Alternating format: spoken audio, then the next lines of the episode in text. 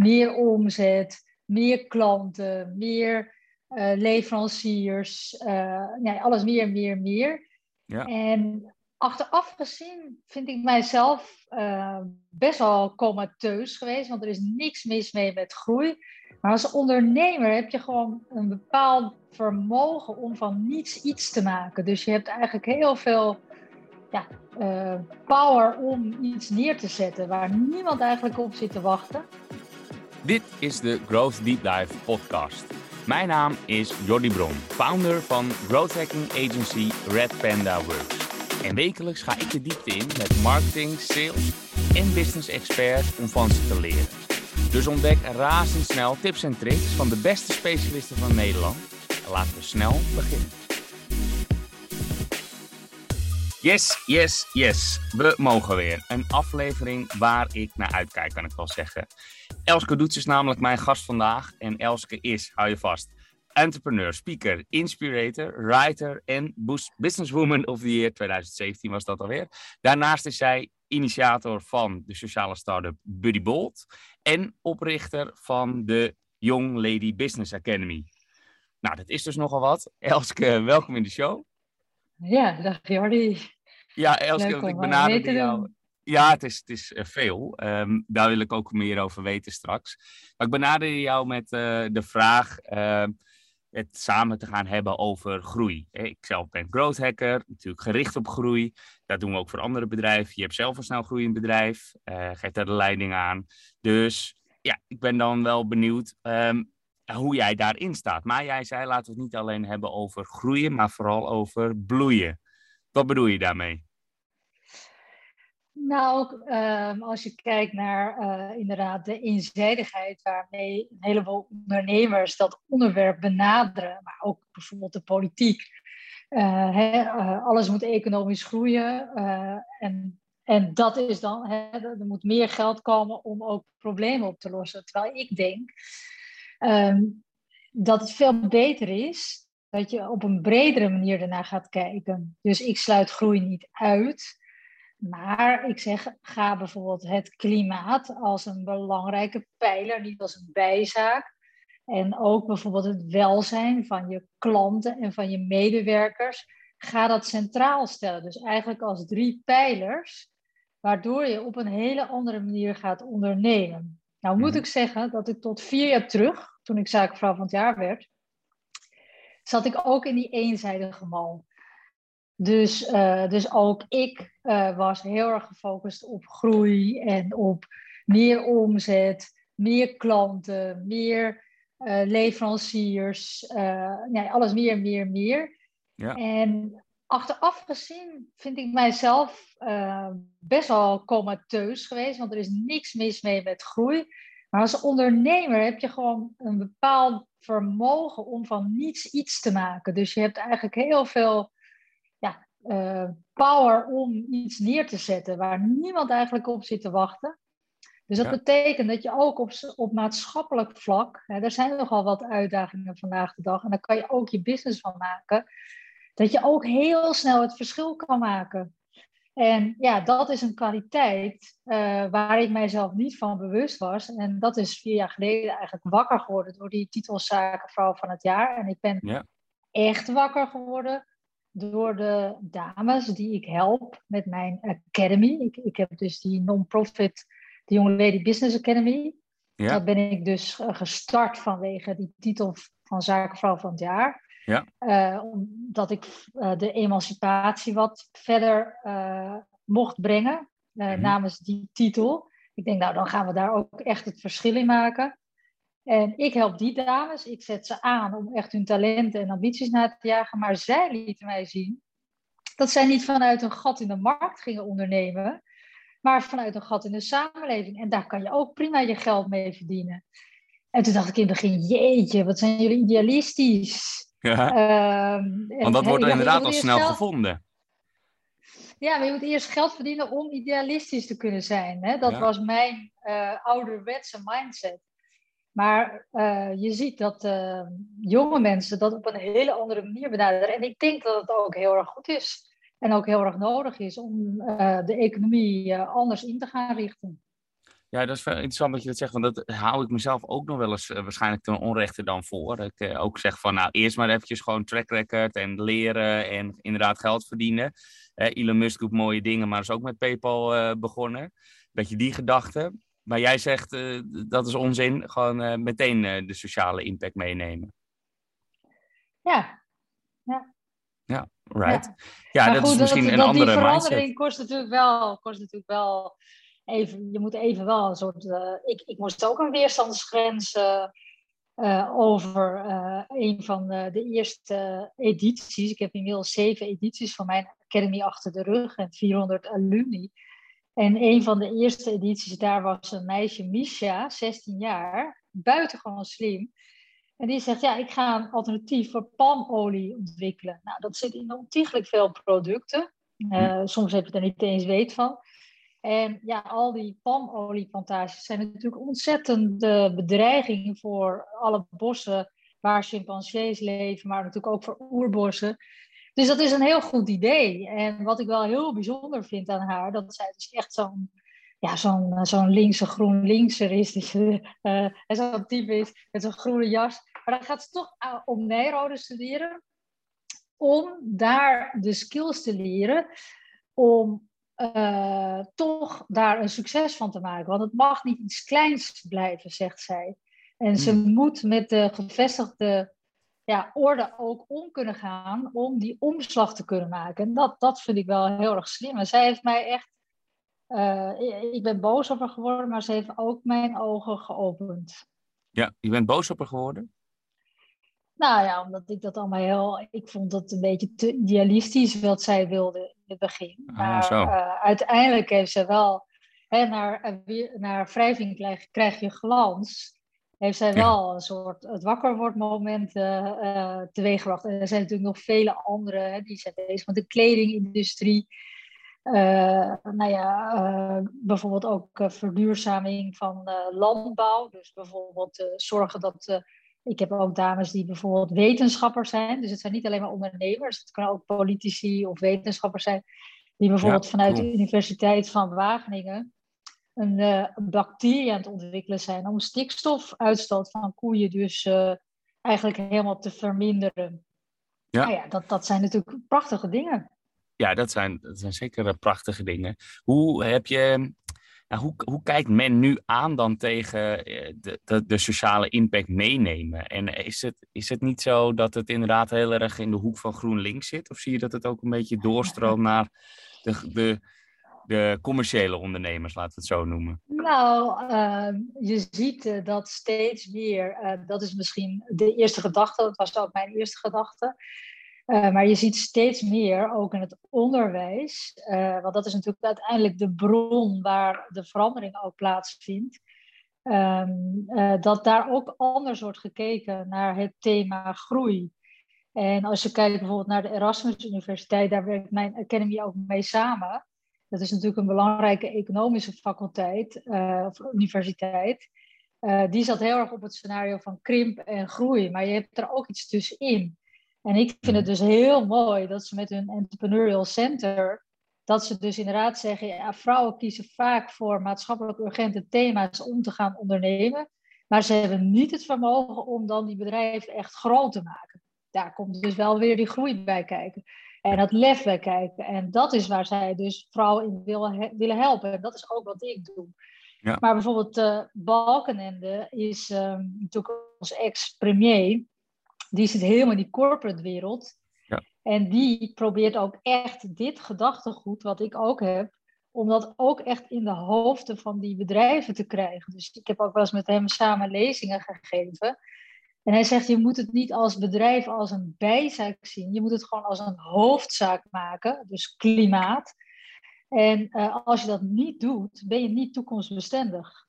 Ja. Dus ja, het zijpelt wel langzaam door, maar aan de oppervlakte uh, zie je dus bijvoorbeeld dat de, de, politiek natuurlijk heel erg korte termijn en terugschiet in reflexen. En dat doen natuurlijk consumenten ook, want het is logisch. Ze zijn allemaal verslaafd aan consumptie en aan mobiliteit. Ja, korte kicks, dat zijn eigenlijk korte suikerkicks. Ja. Uh, ja, hoe ga je dat nou uh, met, hoe ga je dat nou overwinnen om toch het tijd te keren. Want we hebben nu nog de gelegenheid om het tijd te keren. Ja, ja dat, dat hopelijk. Laten we daarvan uitgaan. Uh, met z'n allen. Ja, we hebben nu nog een keuze. Ja. ja. we hebben nu nog een keuze. We zitten nog niet in een noodsituatie. Nee, nou inderdaad, sommigen zeggen van wel, maar uh, we moeten daar inderdaad met z'n allen dan vol achter staan. En dat begint dus inderdaad bij ook bewustwording van, zoals je ook in je boek uitlegt, hè, de sociale impact. Dat is dan enigszins uh, de natuur natuurlijk dat we mee moeten nemen. Dus de impact daarop, zoals je ook de palmolie als voorbeeld aangeeft.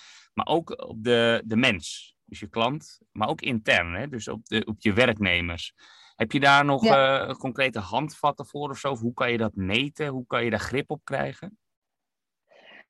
Nou ja, ik denk dat uh, natuurlijk de afgelopen periode waarin, en volgens mij is dat nog steeds uh, bij heel veel bedrijven zo, dat we dus heel veel thuiswerken. Uh, daar is natuurlijk in de media heel veel aandacht aan voor geweest dat het niet goed was. Maar ik denk dat het juist ontzettend goed is. Ik zit nu ook in mijn kantoor thuis. Uh, ja, dat geeft je toch de ruimte om uh, soms even wat andere dingen te doen. Je wil ook weten hoe je nou voor je medewerkers ook meer kunt focussen op welzijn.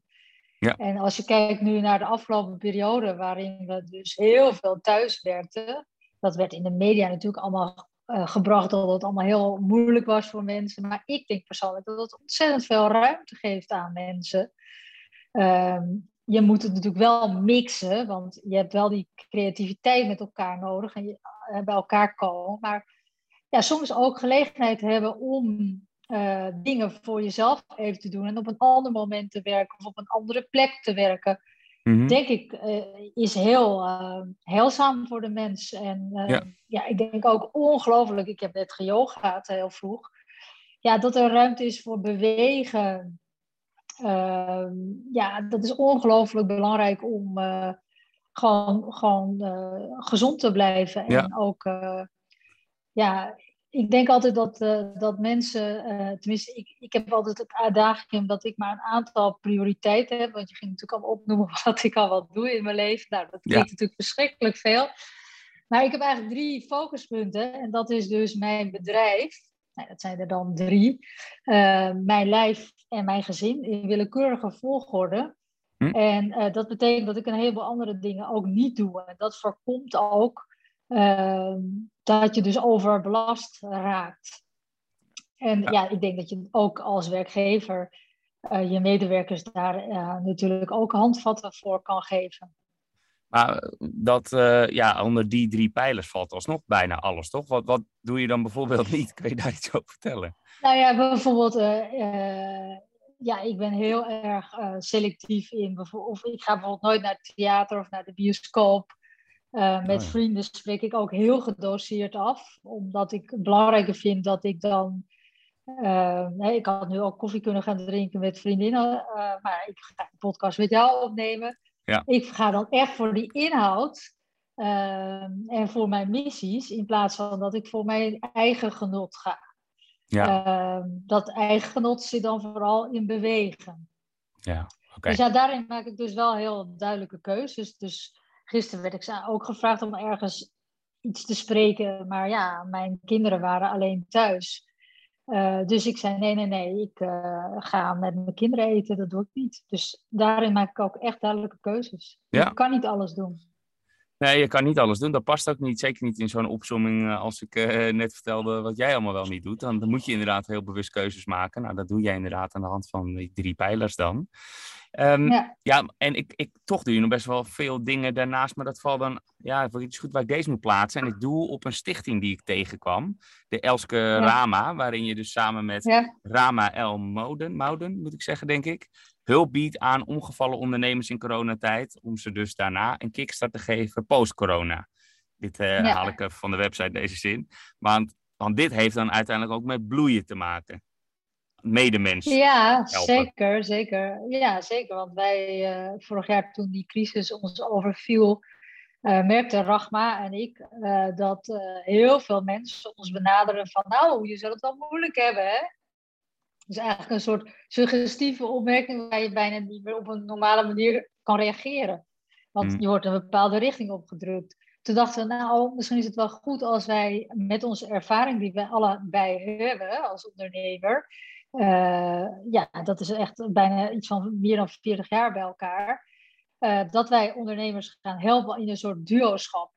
En uh, dat deden wij door middel van mentorsessies. Dus dat is anders dan coaching. Want coaching, dan zorg je eigenlijk ervoor dat mensen vragen gaan stellen aan zichzelf. Uh, en je geeft geen antwoorden bij een mentor. Ga je vragen stellen als mentor en geef je ook richting. Zodat mhm. ze dus ook verder kunnen. Dus dat je ook eigenlijk een snellere uh, nou ja, actie krijgt. En wat we dus zagen met de, de mentorgesprekken die we hebben gedaan met heel veel ondernemers, want inmiddels komen we natuurlijk een beetje ook uit die crisis, is dat ze eigenlijk al op een bepaalde manier vastzaten. Uh, maar dat was dan een beetje nog aan, onder, hè, aan de oppervlakte. En door corona werd dat dus heel erg uitvergroot. Dus sommige mensen hadden bijvoorbeeld hun techniek helemaal niet op orde.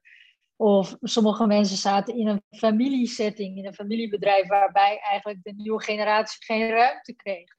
Of de meeste ondernemers zijn ontiegelijk slecht in het communiceren. uh, het verhaal vertellen. Wat doe je? Wat is je missie? Wat doe je eromheen? Ook open zijn daarin. Uh, ja, er zijn nu zoveel mogelijkheden uh, om eigenlijk een soort ja, hoe noem je dat, storytelling of uh, uh, personal branding. Hè? Als je het over ondernemers hebt, je kan jezelf ook echt helemaal personal branden om dat te doen. Ja. En dan is in zo'n crisis is dat buitengewoon interessant om juist bijvoorbeeld die pijn te delen. En hoe ga je daar nou mee om? Want daar putten natuurlijk andere ondernemers heel veel kracht uit. Ja. Dus, uh, dus dat was heel interessant om die gesprekken te voeren. Plus dat het ook direct de spiegel voorhield bij ons. Dat we dachten, oeh, hebben we dat zelf ook wel goed op orde. Dus het is dan oh ook gelijk wederkerig. Ja. Ehm, maar ja, uh, ik vind dat als ondernemer inderdaad, als je een bepaalde ervaring hebt, dan kan je gewoon uh, ontzettend veel andere ondernemers helpen. En uh, dat hoeven helemaal geen intensieve trajecten te zijn. ook omdat je soms uit een andere branche komt. En daardoor ook heel helder, uh, want uiteindelijk zijn natuurlijk alle ondernemers hebben allemaal dezelfde, ja, toch wel uh, uh, elementen waar je aan moet werken om mhm. succesvol te zijn. En dan, kijk je als een branchevreemde natuurlijk heel helder er tegenaan. En, en kan je zo ook eventjes een angel ergens uithalen. Ja, en over dat stukje storytelling en personal branding, juist in deze tijd, dan, dan moet je ook wel kwetsbaar op durven stellen, lijkt me. Hè? Dat je dus open bent. Ik denk dat veel ondernemers daar ook moeite mee hebben. Ja, Hoe help zeker. je daarbij? Ik, uh, nou ja, ik probeer het goede voorbeeld daarin te geven. Want ik doe dat dus uh, ja, eigenlijk continu. Ehm, om, en ik denk ook dat het best wel helpt dat ik vrouw ben. Dus mijn ego is iets minder belangrijk dan een man. Ja, dat is even een generalisatie. Mhm. Maar mannen hebben toch wel altijd de behoefte om uh, ja, bepaald, ja, een beetje stoer te doen, een beetje tussen het rond te tonen, van, ah, gaat allemaal goed en zo. En als het dan niet goed gaat, ja, dan is dat extra moeilijk, want je hebt je net uh, misschien ietsje groter opgepompt daarvoor om dat toe te geven. Ja, ik heb daar helemaal geen, geen last van. Uh, en ehm, ja, ik denk dat het gewoon heel erg uh, waardevol is voor andere ondernemers om te zien met welke uh, struggles ik zit. Ik schrijf bijvoorbeeld blogs voor de ondernemer. Ja. Ja, dan uh, heb ik ook een aantal keer uh, een blog geschreven waarin ik dus echt zeg van, nou jeetje, hè, toen we helemaal diep deze winter in die super lockdown met de avondklok zaten, dat we natuurlijk een nou ja, delta variant kregen, allemaal alles, vaccineren ging niet snel. Toen dacht ik ook, jeetje, waar gaat dit heen, weet je wel? Uh, En ja, dan is dat ook goed om uh, dat op te schrijven. Dat is tevens ook helend voor jezelf. Ja, ja maar precies. Heel veel, mensen, heel veel ondernemers denken dus, ja, bijvoorbeeld wat ik dan doe hè, qua, qua communicatie en zo, dat als ze dan, uh, dat ik dan even bel met BNR, uh, dat dan hun communicatie gefixt is. Zo werkt dat niet. Je moet echt een heel verhaal gaan opbouwen om jezelf. En dat moet vooral heel erg echt zijn. En uh, ja, daar moet je dan ook de verschillende media die je hebt, hè, social media, uh, echte media, ja, voor proberen in te zetten. En, en daar moet je natuurlijk ook professionals voor inhuren die jou trainen, ja. goede foto's laten maken, allemaal ook geld in investeren. En op een gegeven moment, kijk, zo'n boek wat ik dan schrijf, twee boeken heb ik geschreven, ja, dat is ook natuurlijk een vorm van branding. Ja, dat klinkt nu heel erg marketingachtig. Mm Maar daarin laat je wel weten uh, ja, wat je doet en hoe je tegen dingen aankijkt. Uh, schop je natuurlijk ook wel eens tegen schenen. Want als je communiceert moet je altijd die wolf durven benoemen van rood kapje. Ja. Dan pas ben je interessant. Als je allemaal glad gaat communiceren van ik ben authentiek, ik ben verbindend. En dat zegt heel de wereld daar zit niemand meer op te wachten.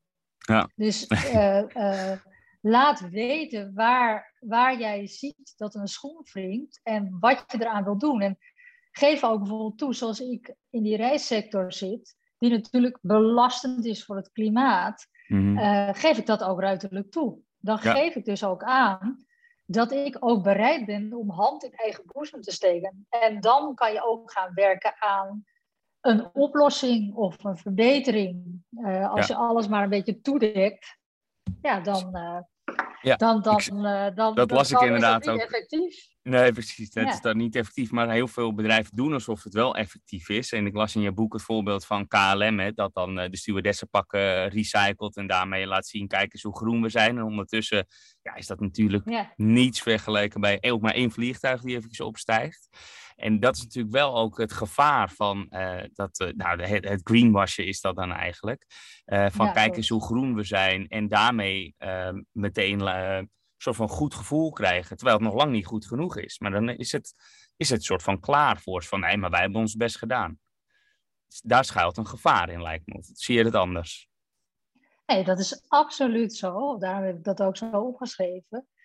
Uh, dat is ook een van de redenen waarom bijvoorbeeld zo'n Balkenende zich heel sterk maakt om inderdaad te kiezen voor een integrale klimaatstrategie in grote bedrijven. En dat moeten natuurlijk kleine bedrijven ook doen. In plaats van een soort bijzaak, want greenwashing is gewoon een soort bijzaak. dat is dan, uh, ik vind het ook altijd wel heel onmerkelijk dat dan uh, mijn accountmanager bijvoorbeeld van de KLM dan mij gaat vertellen hoe, uh, welke stappen ze gaan zetten op het gebied van biokerosine. Dat is een goede ontwikkeling laat ik dat vooropstellen. Maar dat is nog maar iets van 0,001 procent van alle kerosine die ze gebruiken. Dus ja, ze zetten die stap, maar communiceer dan ook dat het nog een hele kleine stap is, dat het veel groter moet worden. Als ze dat zouden doen, als ze die moed zouden tonen, zouden ze zoveel meer uh, gunfactor krijgen, zoveel meer echter zijn, ja. dan nu inderdaad te communiceren. Vorige week hebben ze bijvoorbeeld uh, weer gecommuniceerd dat ze geen vlees meer in uh, de catering doen. Ja. Daarmee werken ze aan het klimaat. Ja, natuurlijk is het goed om geen vlees meer te eten, maar het zit hem natuurlijk in die vliegtuigen. Ja, precies. Ja, ik snap helemaal wat je zegt. Ze hebben volgens mij nog niet echt de oplossing, want iedereen wil toch blijven vliegen.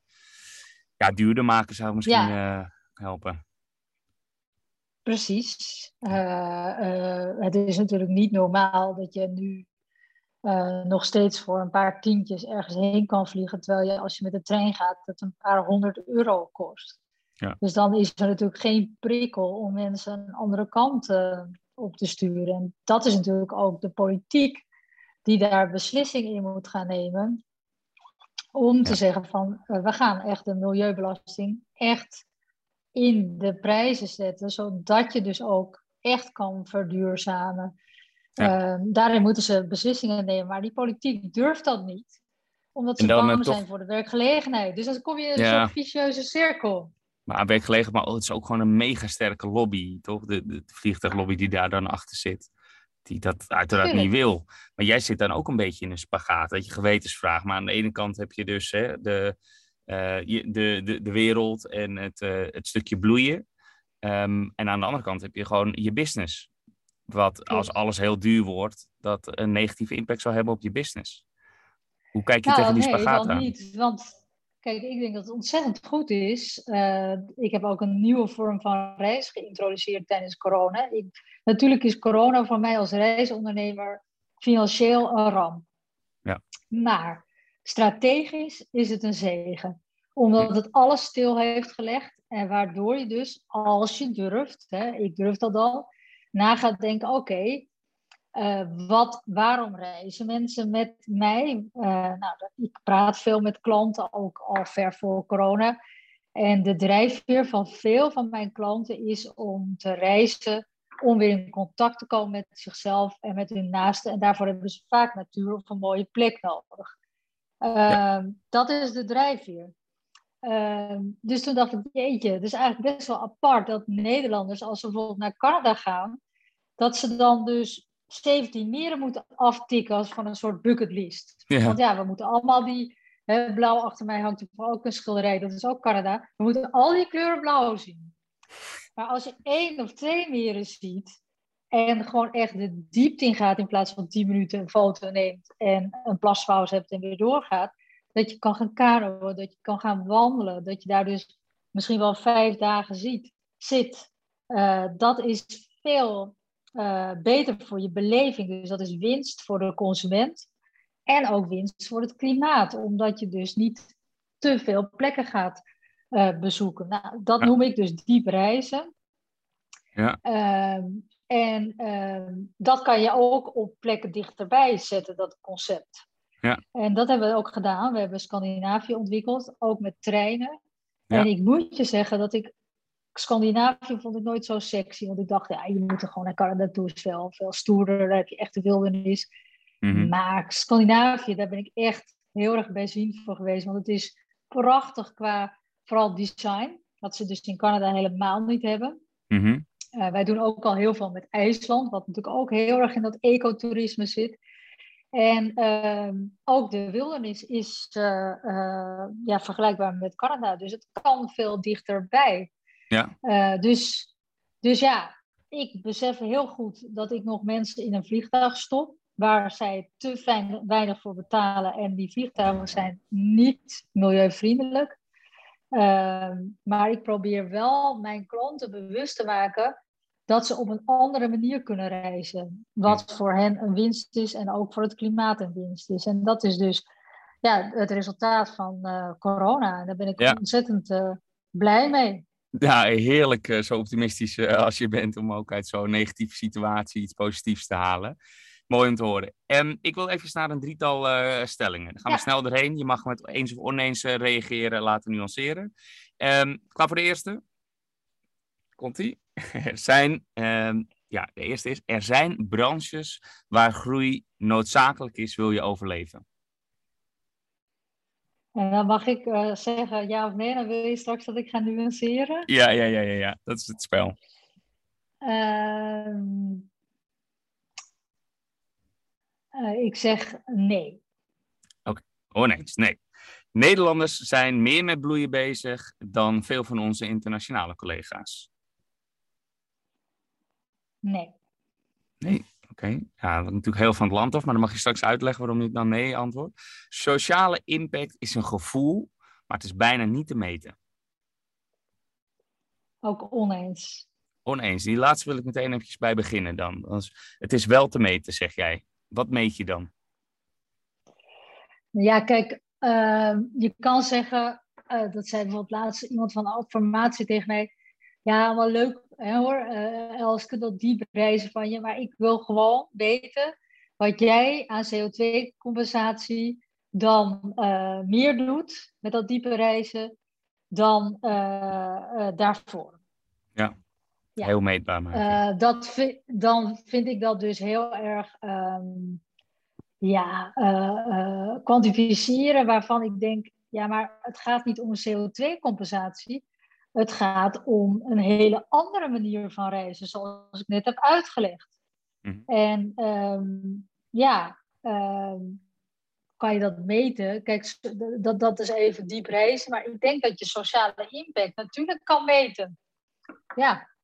Als in CO2 uh, dan je... inderdaad? Of wat meet je dan? Nou, Happiness nee, bij klanten? CO2, CO2 is natuurlijk een compensatie. Dat is, dus, dat, is, dat is dus eigenlijk nog steeds ook een soort greenwashing. Ja.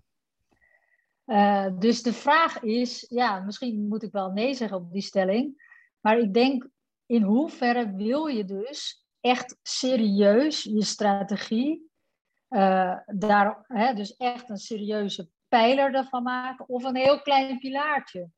Dat hele kleine pilaartje kan CO2-compensatie zijn, dat is meetbaar.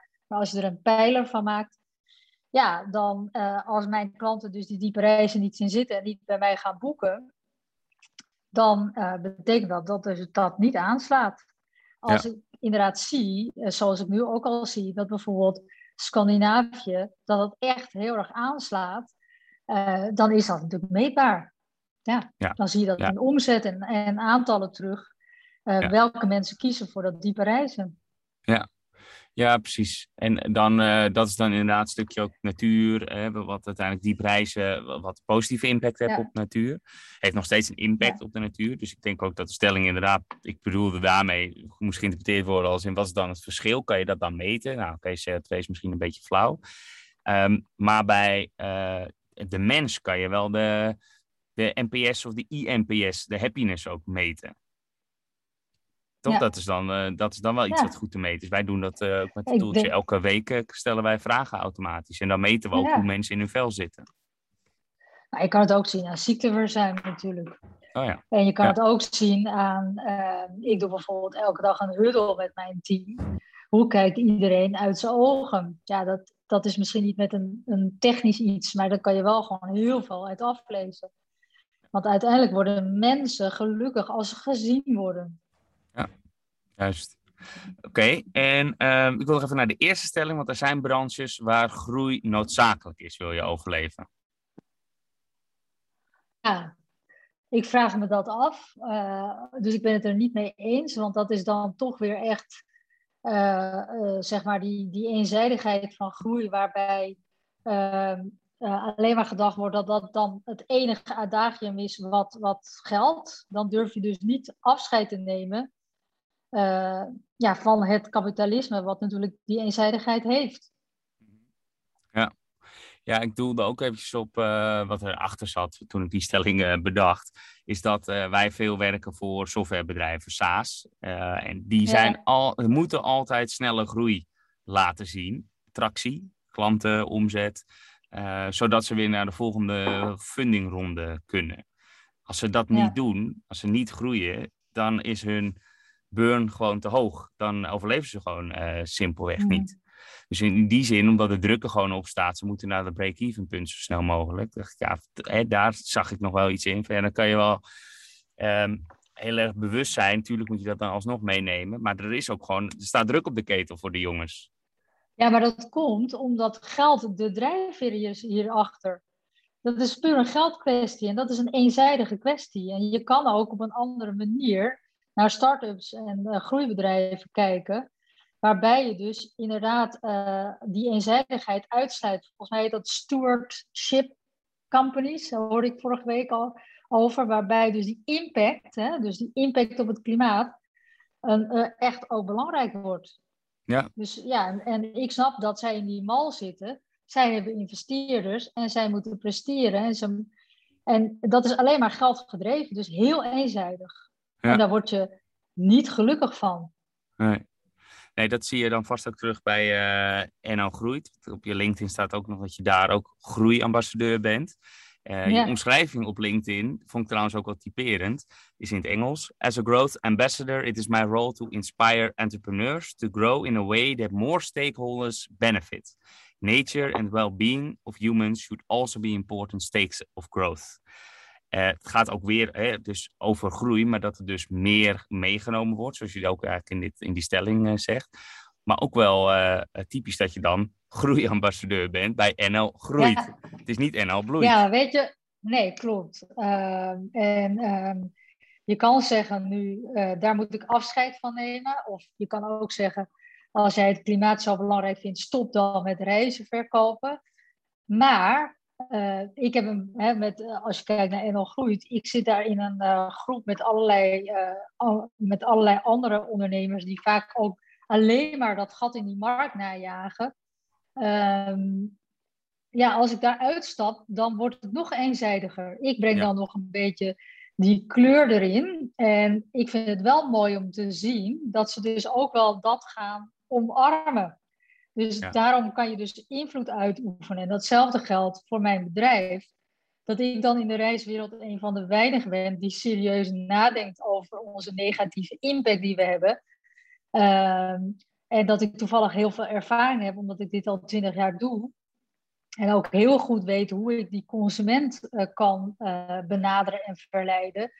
Het zou doodzonde zijn als ik daarmee stop, want al mijn ja. andere concurrenten doen dat niet. Uh, dus dan is er eigenlijk geen keuze en dat, dat vind ik dan zonde. Dus daarom wil ik daar dan die verandering in brengen. Ja, die zie ik ook helemaal. Dus uh, ja, goed dat je dan die, die positieve mindset ook meeneemt om juist die verandering van, van binnenuit eigenlijk uh, mee te, te bewerkstelligen.